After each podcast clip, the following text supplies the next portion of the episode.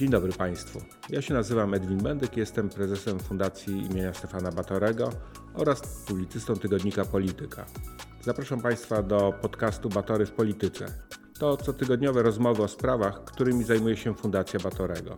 Czwórka prowadzących i cztery obszary tematyczne. Praworządność, społeczeństwo obywatelskie, władza centralna i samorządowa oraz ważne dla Polski wydarzenia w polityce zagranicznej. Nowy odcinek w każdą sobotę. Zapraszam.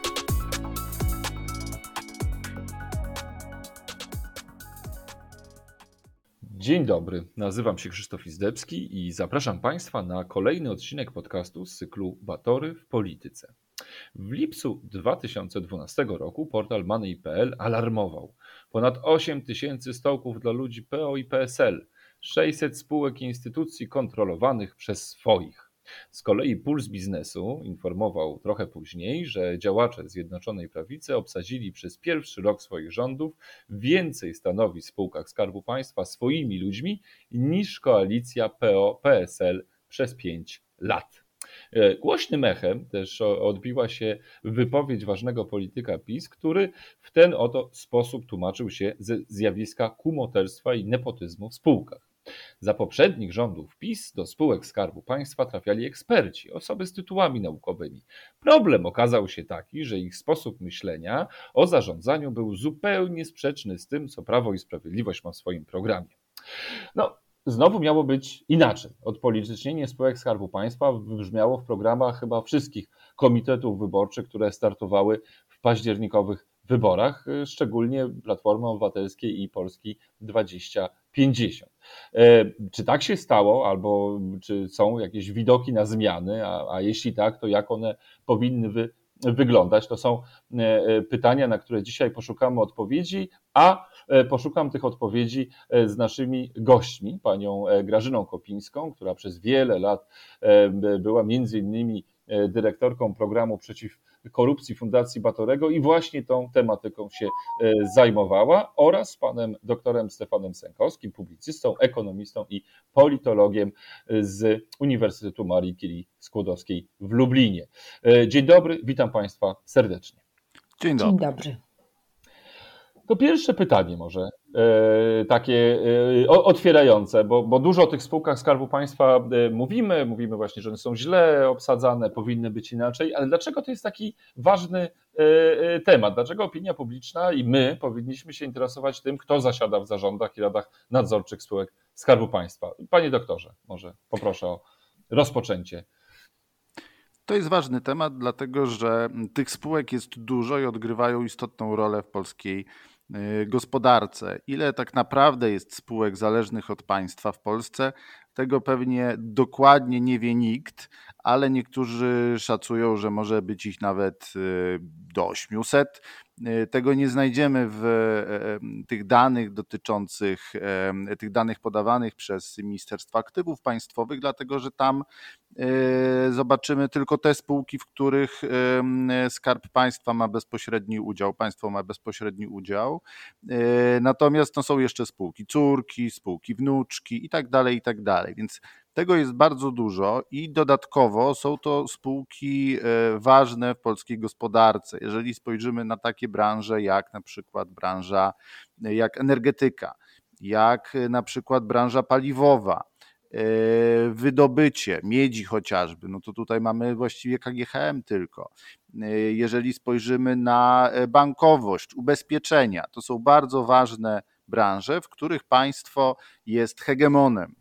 E, nie zawsze jest koniecznie monopolistą, ale jest hegemonem na pewno e, i dlatego odgrywa bardzo istotną rolę. I teraz e, od tego, jak te spółki są zarządzane, zależy chociażby to, ile płacimy za benzynę, ile płacimy za prąd, czy ten prąd wytwarzany jest metodami przestarzałymi, czy, czy innowacyjnymi. I dlatego ważne jest to, kto kieruje tymi spółkami i kto je nadzoruje, bo Rada Nadzorcza nadzoruje, ale także w ogóle wybiera, przynajmniej formalnie, zarządy. No i tutaj oczywiście pojawia się kwestia, czy to jest formalny wybór, czy realny. Z moich badań wynika, że zarządów POPSL, tych wcześniejszych do 2015 roku, to był w dużych spółkach był raczej formalny, ale w mniejszych, im, im te spółki były mniejsze, był bardziej realny. Natomiast w przypadku po, po 2015 roku, no to tutaj już politycy mieli zdecydowanie większy, e, większy wpływ na to, jak kto, kto wchodzi do tych, do tych zarządów, do rad nadzorczych wcześniej. E, I jakie były tego skutki, jakie mogą być tego skutki negatywne i pozytywne. No tutaj też trzeba mieć świadomość, że taka spółka zależna od państwa to jest troszeczkę kwadratura koła, dlatego że no ona, no przedsiębiorstwo, celem takim podstawowym przedsiębiorstwa jest zysk. No ale przedsiębiorstwa zależnego od państwa już niekoniecznie, dlatego że ono dostarcza często takich usług, które trudniej jest dostarczyć e, w dogodnej cenie na rynku e, konsumentom. E, I dlatego przynajmniej w teorii, dlatego te spółki są e, państwowe, więc w zasadzie taki zarząd musi, e, musi tak balansować między koniecznością osiągania zysku, a koniecznością dostarczania e, towarów i usług po jakiejś korzystnej po jakiejś korzystnej cenie. Jeżeli politycy na to wpływają, jeżeli politycy mają wpływ na tych zarządzających, no to pojawia się problem, że można na przykład sztucznie wykorzystywać takie przedsiębiorstwo. No mieliśmy taki sztandarowy przykład, bardzo wulgarny, wręcz bym powiedział, z Orlenem przed ostatnimi wyborami parlamentarnymi, kiedy to Orlen mocno ściął y, ceny paliw, no i to w zasadzie y, nie, nie, ulega dyskusji, że miało to związek z wyborami. Ludzie mieli się poczuć lepiej, mieli doceniać rządzących, że tak wspaniale troszczą się o to, żeby kierowcy mieli e, tanie paliwo. No ale efekt był taki, że wykorzystywano chociażby rezerwy. Poza tym bardzo mocno rozchwiano rynek E, rynek paliw. Ja tutaj już nie chcę wchodzić bardzo głęboko w szczegóły, no ale Państwo zapewne pamiętacie te kolejki i braki na e, e, stacjach benzynowych tych paliw. Więc chociażby tego typu sytuacje mogą się zdarzać, ale tu już kończąc, żeby też za długo na ten temat nie mówić, jeżeli politycy wpływają na spółki, no to spółki stają się łakomym kąskiem po to, żeby zarówno y, wspierać działalność polityczną swojego ugrupowania, no jak i karmić swoich y, klientów, y, których patronami są właśnie politycy mający wpływ na spółki. E, to teraz do, do pani Grażyny Kopińskiej się, się zwrócę i, i, i też a, a, propos tego, że tematem zajmuje się rzeczywiście od, od, od wielu lat. Czy to jest jakiś problem, który urósł teraz, czy my mieliśmy z tym problemem do czynienia od, od, od zawsze? E, a jeżeli od zawsze, a, a, wiem, że na pewno były i, i sama Fundacja Batorego, ale też e, inne organizacje, eksperci podejmowali jakieś próby zmiany, dlaczego mam wrażenie, że my jesteśmy w tym samym miejscu od tylu lat cały czas? E, spółki Skarbu Państwa i firmy zależne od Skarbu Państwa zawsze były przedmiotem głębokiego zainteresowania rządzących i partii. Zresztą e, podobna sytuacja jest na poziomie lokalnym, ponieważ tam są spółki zależne od samorządu i dokładnie ta sytuacja się powtarza. E, z tym, że e, o ile w, przed 2015 rokiem można było znaleźć tego typu sytuacje, y, licząc y, powiedzmy w setkach, to y, po roku 2015 w zasadzie trudno było znaleźć firmę zależną od Skarbu Państwa lub od właściciela samorządowego, w których nie byłoby osób y, nominowanych przez rząd aktualnie na tym terenie rządzących. Y, były próby zmiany tej sytuacji, ale y, kiedy w końcu za każdym razem dochodziliśmy do tego, że jednak rządzący chcą mieć bezpośredni wpływ na to, co się w tych, w tych podmiotach dzieje. Między innymi po, w, lata, w roku 2010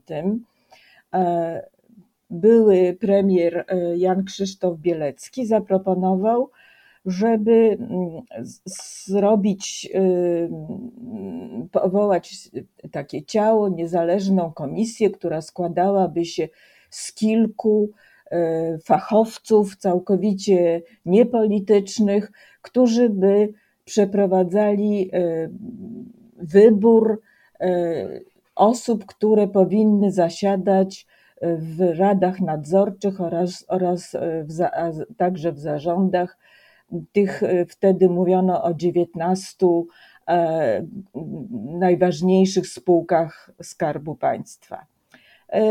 E, ten pomysł został odrzucony i zamiast tego utworzono Radę do Spraw Spółek Skarbu Państwa, która przeprowadza kwalifikacje tychże, tychże kandydatów. Niemniej już nawet zarządu koalicji PO-PSL zawsze ostatnie słowo należało do ministra, do ministra y, Skarbu Państwa albo później aktywów państwowych. W, no w czasach PiSu, tak jak już ja wspominałam i pan doktor, ta sytuacja doszła do do rozmiarów nieporównywalnych. Tutaj warto też chyba podkreślić, że same te spółki posiadają cały szereg spółek córek i spółek wnuczek.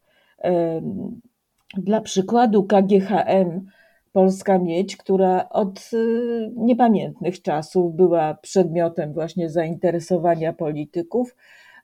Ona, oni, w momencie, kiedy ja pisałam swój raport, czyli 6 lat temu, miała 32 takie zależne, zależne spółki.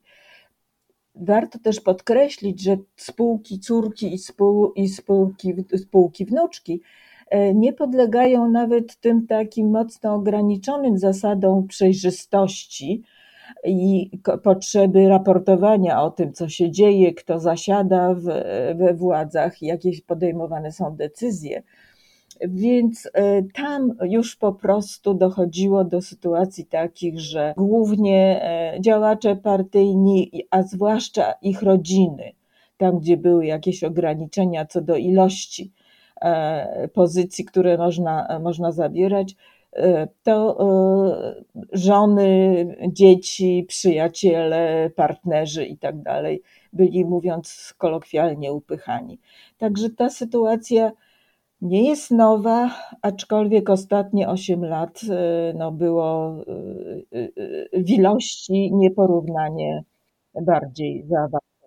No, no dobrze, ale może Radosław Fogiel ma rację. Ja tak e, właśnie jego słowa przytoczyłem na samym początku, że e, no, potrzebni są tacy menadżerowie, tak, e, ci członkowie zarządu rad nadzorczych, którzy jednak no, będą kierować się tą logiką państwa w rozumieniu logiką partii czy logiką e, e, rządu w tym sposobie podejmowania różnych decyzji w tych spółkach Skarbu Państwa i w tych strategicznych i w tych niestrategicznych. No, obserwowaliśmy chociażby, co by nie mówić, jakiś rozwój Orlenu, tak, e, przy różnych wątpliwościach też, czy koniec końców ten rozwój e, e, nie podważa też bezpieczeństwa Polski tutaj w kontekście chociażby sprzedaży części mm, zasobów Saudyjczykom.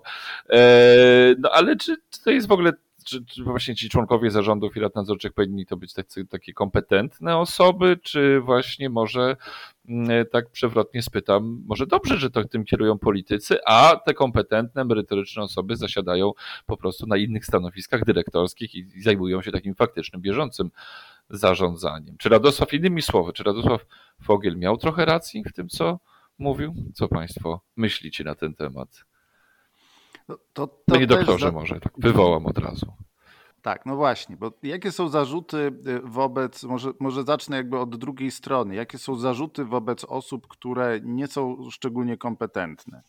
E, przede wszystkim taką spółkę jest trudno zepsuć zwłaszcza jeżeli, jeżeli ona prężnie działa i sprzedaje jakiś towar w miarę rynkowo, E, no to na przykład taki Orlen, e, no w zasadzie on, on jest skazany na sukces, e, dlatego że nie dość, że, że sam sprzedaje benzynę na swoich stacjach, to jeszcze sprzedaje benzynę przetworzoną przez siebie innym, innym firmom, więc w zasadzie tutaj jest bardzo trudno coś, coś popsuć, no chyba, że ktoś przesadzi. E, I to z tym mieliśmy na przykład do czynienia e, tuż przed wyborami, ale są też e, poważniejsze zarzuty. No, po, po, znaczy, więc takim zarzutem istotnym, ale z punktu widzenia samej spółki mniej istotnym jest to chociażby, że wykorzystuje się spółkę po to, żeby na przykład zatrudniać pociotków na niższych stanowiskach, albo na przykład, żeby karmić przyjazne media reklamami. No to, to jest oczywiście skandaliczne i jest to zarzut e, istotny, ale z punktu widzenia samej spółki mało istotny, e, bo to są, to są pieniądze, tak powiem, na waciki. E, natomiast gorzej, jeżeli na przykład spółka energetyczna jest zmuszana z przyczyn politycznych do tego, żeby na przykład utrzymywać nierentowne górnictwo i zamiast przeznaczać pieniądze na, na y, zmiany w energetyce, na transformację energetyczną, przeznacza, topi te pieniądze na przykład w zakup y, czy utrzymywanie spółek y, górniczych. I to już jest wtedy zdecydowanie problem. I to jest problem wynikający właśnie z tego, że politycy zaczynają mieć wpływ na to, jak kierowane są spółki. Więc na pewno, na pewno osoby kierujące spółkami muszą mieć na uwadze to e, taki ogólny kierunek, w jakim e, rządzący chcą wykorzystywać spółki e, Skarbu Państwa, ale jednocześnie powinni mieć jasno określone kryteria, jakimi powinni się kierować, jasno określone cele, jakie mają osiągać. No ja podawałem tam przykłady Norwegii chociażby. Tam każda spółka ma dość ogólnie, co prawda, ale jednak wyznaczone, wyznaczone te cele.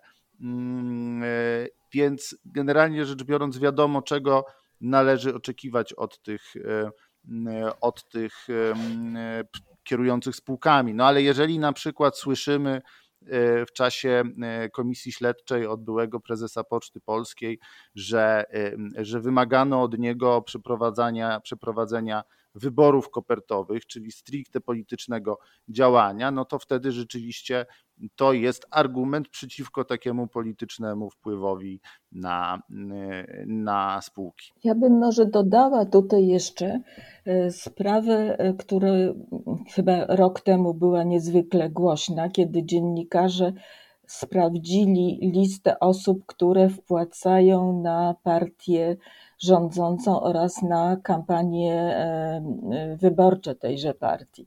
No i okazało się, że tam głównymi wpłacającymi poza samymi zainteresowanymi, zainteresowanymi czyli kandydatami, to są osoby, które dostały pracę w spółkach Skarbu Państwa. E, I y, w, te, w, takiej sytuacji ta partia rządząca ma zdecydowanie więcej pieniędzy do zagospodarowania, do, do, do prowadzenia kampanii, które mogą być rozrzutne i tak dalej, i tak. Ponadto tutaj już było wspomniane, że też e, spółki Skarbu Państwa prowadziły ukrytą kampanię wyborczą ze swoich pieniędzy, znaczy ze swoich, z pieniędzy naszych, na rzecz konkretnych partii, tych, które nimi zarządzały. Więc to zaburza równość wyborów. I oprócz tych ekonomicznych, e, e, które pan doktor wspomniał, E, przyczyn, to też polityczne, społeczne są no, negatywnie, negatywnie takie politycznie wpływa na taką sytuację. No to jedną rzeczą jest oczywiście to upolitycznienie, ale też mamy do czynienia z takimi, no, yy, znaczy też oczywiście no, też elementem upolitycznienia, ale z takimi bardziej, bym powiedział, jaskrawymi przykładami, a nazwijmy to korupcji politycznej, czyli na przykład właśnie te wpłaty, tak, które są dokonywane przez członków zarządów czy członków rad nadzorczych fenomen jest oczywiście szerszy, ale też właśnie o tym, o tym dużo się prawda, rozmawiało. Jakie inne są jeszcze takie te zagrożenia korupcyjne związane z przemieszaniem trochę prywatnego czy partyjnego z publicznym na przykładzie spółek Skarbu Państwa? Pani Grażyno. No, tak, już tak jak już powiedziałam, moim zdaniem y, najważniejsze to jest uzależnienie zarządzających tymi spółkami od, od partii, od partii rządzącej. Jednym słowem, dochodzi do zawłaszczenia państwa przez jedną konkretną partię, ponieważ ta partia, czy, czy kilka partii wchodzących w skład koalicji ma wpływ na decyzje polityczne, ale również na decyzje gospodarcze.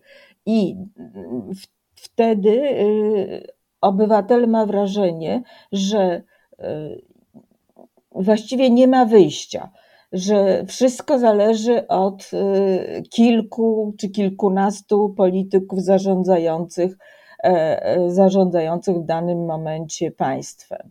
No, pytanie, jak, jak, na ile można jeszcze uznać, że to jest państwo w pełni demokratyczne, gdzie nie ma dziedziny życia, która by nie, na którą by państwo nie miało wpływu. Y, y, już mówiliśmy poprzednio, że jest też kwestia Y, sprzedawania reklam przez y, firmy, y, przez spółki Skarbu Państwa mediom, które prezentują właściwą e, linię, czyli linię akurat aktualnie rządzących. No i dochodzimy do sytuacji, kiedy możemy mówić o zawłaszczeniu państwa przez grupę, która ma 20 parę, 30% zwolenników społeczeństwa. To może, jak niektórzy mówią, e, należy sprywatyzować, że państwo pozbyło się e, tych, tych spółek. Czy to rozwiąże problem, czy to jest w ogóle jakieś, jakieś w ogóle rozwiązanie też e, szerszej kwestii tego, czy państwo powinno wykonywać taką działalność gospodarczą. Panie doktorze, pan wspomniał też w tym tekście, który się u nas ukazał, ale tak skrótowo, o tym, co, co pan myśli, o takim podejściu, jak niektórzy właśnie mówią, że to rozwiąże te wyzwania, z którymi się borykamy. Częściowo się z tym zgadzam. To znaczy, uważam, że na pewno dużą część e, tych spółek, córek, wnuczek, można sprywatyzować. Sprywatyzować również można wiele takich spółek, których celem jest rzeczywiście stricte osiąganie, y, osiąganie zysku, y, które po prostu konkurują z innymi firmami prywatnymi na, w różnych branżach. Natomiast są też branże, w których, e, w których byłoby to zdecydowanie bardziej ryzykowne natomiast, y, natomiast, y, no właśnie, bo na pewno zmniejszyłoby to zakres tego tortu do, y, do podziału. Przy czym też zwrócę uwagę na to, że mm, ta sytuacja, z którą mamy do czynienia, ona nie dzieła się znikąd. To znaczy, mamy tych spółek stosunkowo dużo, jak na realia państwa takiego demokracji zachodniej kapitalistycznej mm, e, w porównaniu z częścią krajów naszego regionu również. No i jeżeli spojrzymy na przykład na takie kraje jak chociażby Węgry, tam troszeczkę ostatnio wzrosła ta, wzrostem powiedzmy udział tych państwowych przedsiębiorstw, ale generalnie tam na przykład prywatyzacja postąpiła szybciej, czy w Czechach. I co się okazało z drugiej strony? Okazało się, że to doprowadziło do wytworzenia się pewnej oligarchii. Więc no my tą sytuacją aktualną, czyli sytuacją, w której spółki Skarbu Państwa czy spółki zależne od państwa są takimi dojnymi krowami, to jest poniekąd trochę cena za to, że nie mamy tutaj biznesmenów, którzy kupują poszczególne partie, bo poszczególne partie jest bardzo trudno w Polsce kupić ze względu na restrykcyjne prawo, jeżeli chodzi o finansowanie partii politycznych z pieniędzy prywatnych. To, że na przykład właśnie e, to, co mówiła moja współrozmówczyni partie Prawo i Sprawiedliwość i, i, i Solidarna, czy obecnie suwerenna Polska były zasilane pieniędzmi przez osoby zatrudnione w, na wysokich stanowiskach spółkach e, zależnych od państwa. E, to jest efekt między innymi tego, że trudno jest jakby z własnej kieszeni robić to y, osobom z powiedzmy innym doświadczeniem. Oczywiście tutaj to jest jeden do jednego, prawda? Każdy ma takie samo prawo, no ale de facto można kilkadziesiąt tysięcy złotych przeznaczyć dla takiej partii. W kontekście kosztów kampanijnych, no to jest nic tak naprawdę. E, więc to, to, to ma swoje plusy, no ale znowu z drugiej strony te partie szukają sobie jakichś możliwości, e, więc możliwości uzyskiwania tych środków e, e, na swoją, na swoją działalność. No i wracając jeszcze na koniec króciutko do, do kwestii samej prywatyzacji, tu na pewno trzeba byłoby to, to przejrzeć. W innych, u nas się przyjęło odgórnie od 2016 roku, zresztą od kiedy e, też prawo zostało w tym zakresie zmienione, że skończyliśmy etap prywatyzacji i generalnie rzecz biorąc teraz, jeżeli ktoś chce sprywatyzować coś, to musi udowodnić, że to jest konieczne i rząd musi się na to zgodzić. No w innych państwach, również na przykład we wspomnianej Norwegii czy w Niemczech jest odwrotnie. Co roku są, e, e, są prezentowane raporty, w których przedstawiane jest uzasadnienie, dlaczego dana spółka nadal powinna być państwowa, czyli to musi się obronić. Punkt wyjścia jest taki, że ma być prywatna. Jeżeli nie jest prywatna, to musi mieć to swoje uzasadnienie. U nas jest odwrotnie. Myślę, że ten element należałoby zmienić. Na pewno wiele spółek by się obroniło państwowych, swoją państwowość, tak w cudzysłowie to ujmę. Mm, no ale pewnie nie wszystko. No ale to też wiemy, że wywołuje przynajmniej po, po, po jednej stronie tego sporu politycznego duże emocje, stąd chociażby te pytania referendalne dotyczące wyprzedaży majątku e, publicznego w domyśle spółek Skarbu Państwa. E, więc jest to temat, który rzeczywiście gdzieś, gdzieś rezonuje. To trochę bym, bym, bym przeszedł, chociaż zmierzamy ku końcowi, ale przeszedłbym do współczesności. Czy, czy Państwo są zadowoleni z tego sposobu, w jaki nowy nowy rząd y, teraz działa, wymieniając y, członków rad nadzorczych. Zarządów może jeszcze nie tak powszechnie, ale też już zaczęto. Y, czy to jest jakiś dobry prognostyk?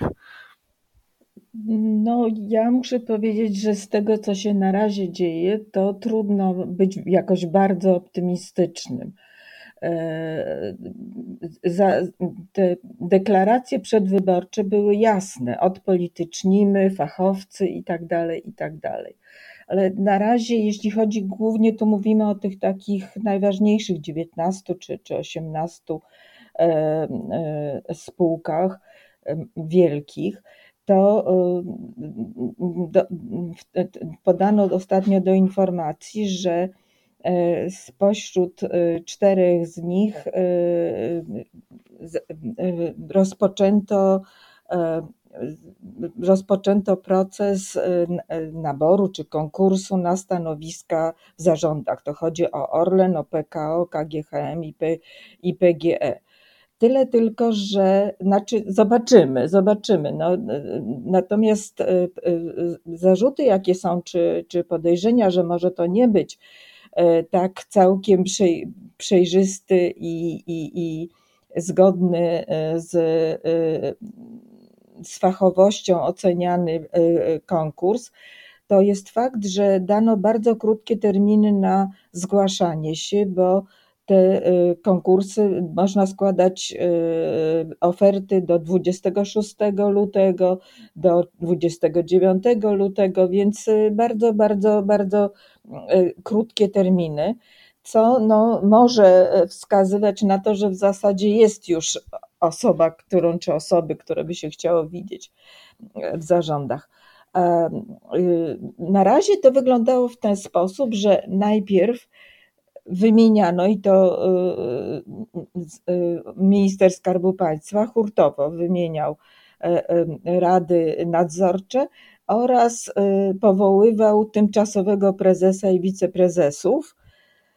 I mówiąc, że właśnie dalej będą rozpisywane konkursy. No należy się po prostu temu przyglądać, bo rozumiem, że trzeba szybko, ale, ale, ale e, no to tak jak mówię, e, obawy są.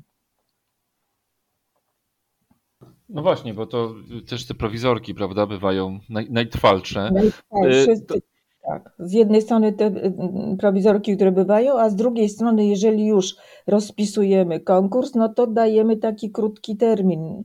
Hmm. No właśnie, to, to, co powinno, to teraz rządzący nas słuchają, zawarli w tych swoich programach, że będzie lepiej. E, kilka rad, co powinni zrobić? E, jak, jak tę sytuację rozwiązać, tak żebyśmy my jako obywatele, obywatelki mieli poczucie, że e, te spółki, no właśnie, są w rękach kompetentnych ludzi, zasady wyboru są, są przejrzyste e, i e, nie ma tych niebezpiecznych związków pomiędzy polityką a działalnością e, samych spółek. To już e, Pani Grażyna, to może od, razu się e, wypytam. O. Dobrze. No więc y, ja myślę, że tak całkowicie nie da się, y, zresztą to już było podkreślane przez pana doktora, całkowicie nie da się y, oddzielić wpływu polityki na, na, na te wybory, ale ja bym zwróciła uwagę na to, że przede wszystkim najważniejsze jest, żeby podnieść przejrzystość samego, samych tych mm, przebiegu konkursów. E, powinniśmy po zakończeniu e, procedury konkursowej dowiedzieć się, dlaczego wybrano tę, a nie inną osobę, czym była zdecydowanie lepsza od pozostałych kandydatów. Poza tym w, uważam również, że E, trzeba by zaostrzyć e, wymagania w stosunku zwłaszcza do mm, osób, e, kandydatów do rad nadzorczych, ponieważ w tej chwili te wymagania są minimalne. W zasadzie wystarczy mieć wyższe wykształcenie, i przez co najmniej 5 lat być zatrudnionym. Nie, nie, nie, potrzeba mieć żadnego doświadczenia w zarządzaniu dużymi instytucjami. I no w, w przeszłości to prowadziło do, do takich sytuacji, kiedy 19-letni e,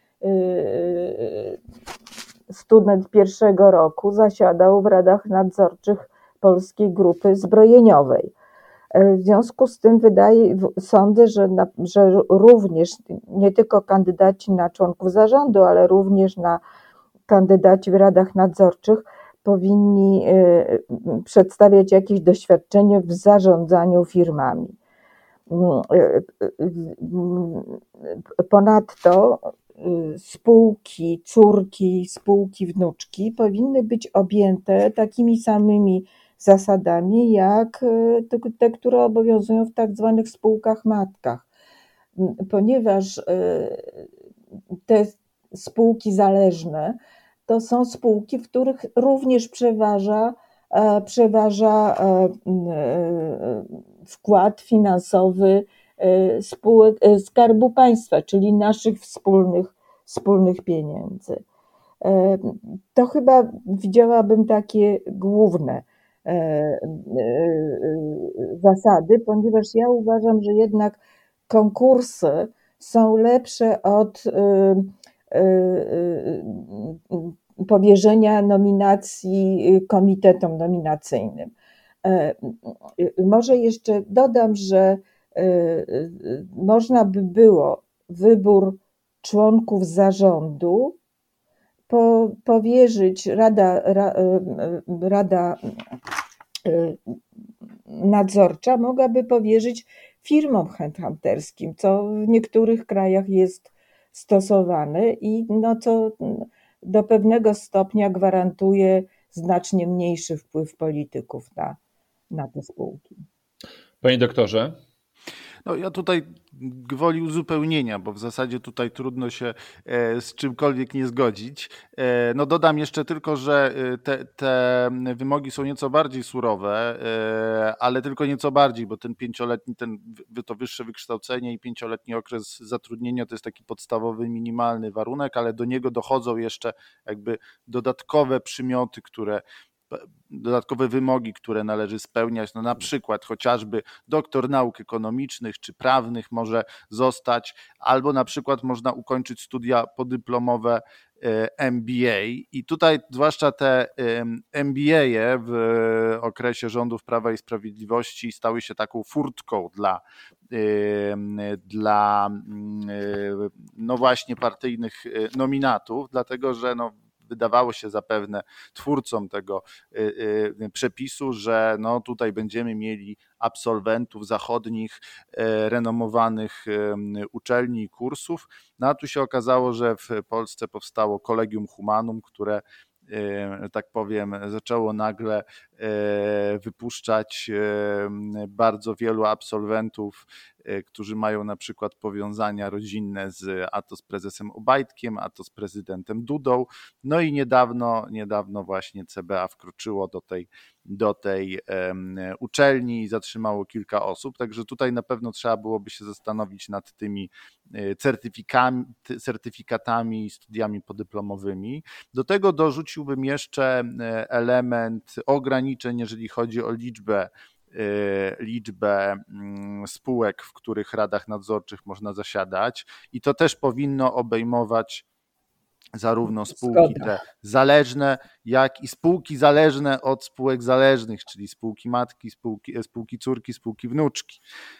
Y, kolejna sprawa y, to też można byłoby się zastanowić nad taką karencją, czyli polityk, który przestaje być politykiem, ale takim już z urzędem konkretnym, e, mógłby na przykład mieć zakaz e, wchodzenia do takiej rady przez rok albo dwa. E, tutaj jakby od razu powiem, że nie uważam za bardzo istotne to, żeby ograniczać możliwość zasiadania w radach nadzorczych członkom partii politycznych, bo na przykład Polska 2050 taką propozycję złożyła i jakby stosuje taką zasadę wobec swoich członków, że nie mogą zasiadać w radach e, nadzorczych spółek, e, dlatego że to jakby utrudnia ekspertom działalność w partiach politycznych jako takich, to niekoniecznie musi być ze sobą w sporze. W sporze już zaczyna być, kiedy taki e, taki członek rady również pełni jakąś inną funkcję. Mm, ale, y, ale no, jakby nie jest to bardzo, nie byłby to bardzo duży problem, gdyby taki zakaz y, wprowadzić. Także wydaje mi się, że te elementy ja bym jeszcze tutaj dorzucił.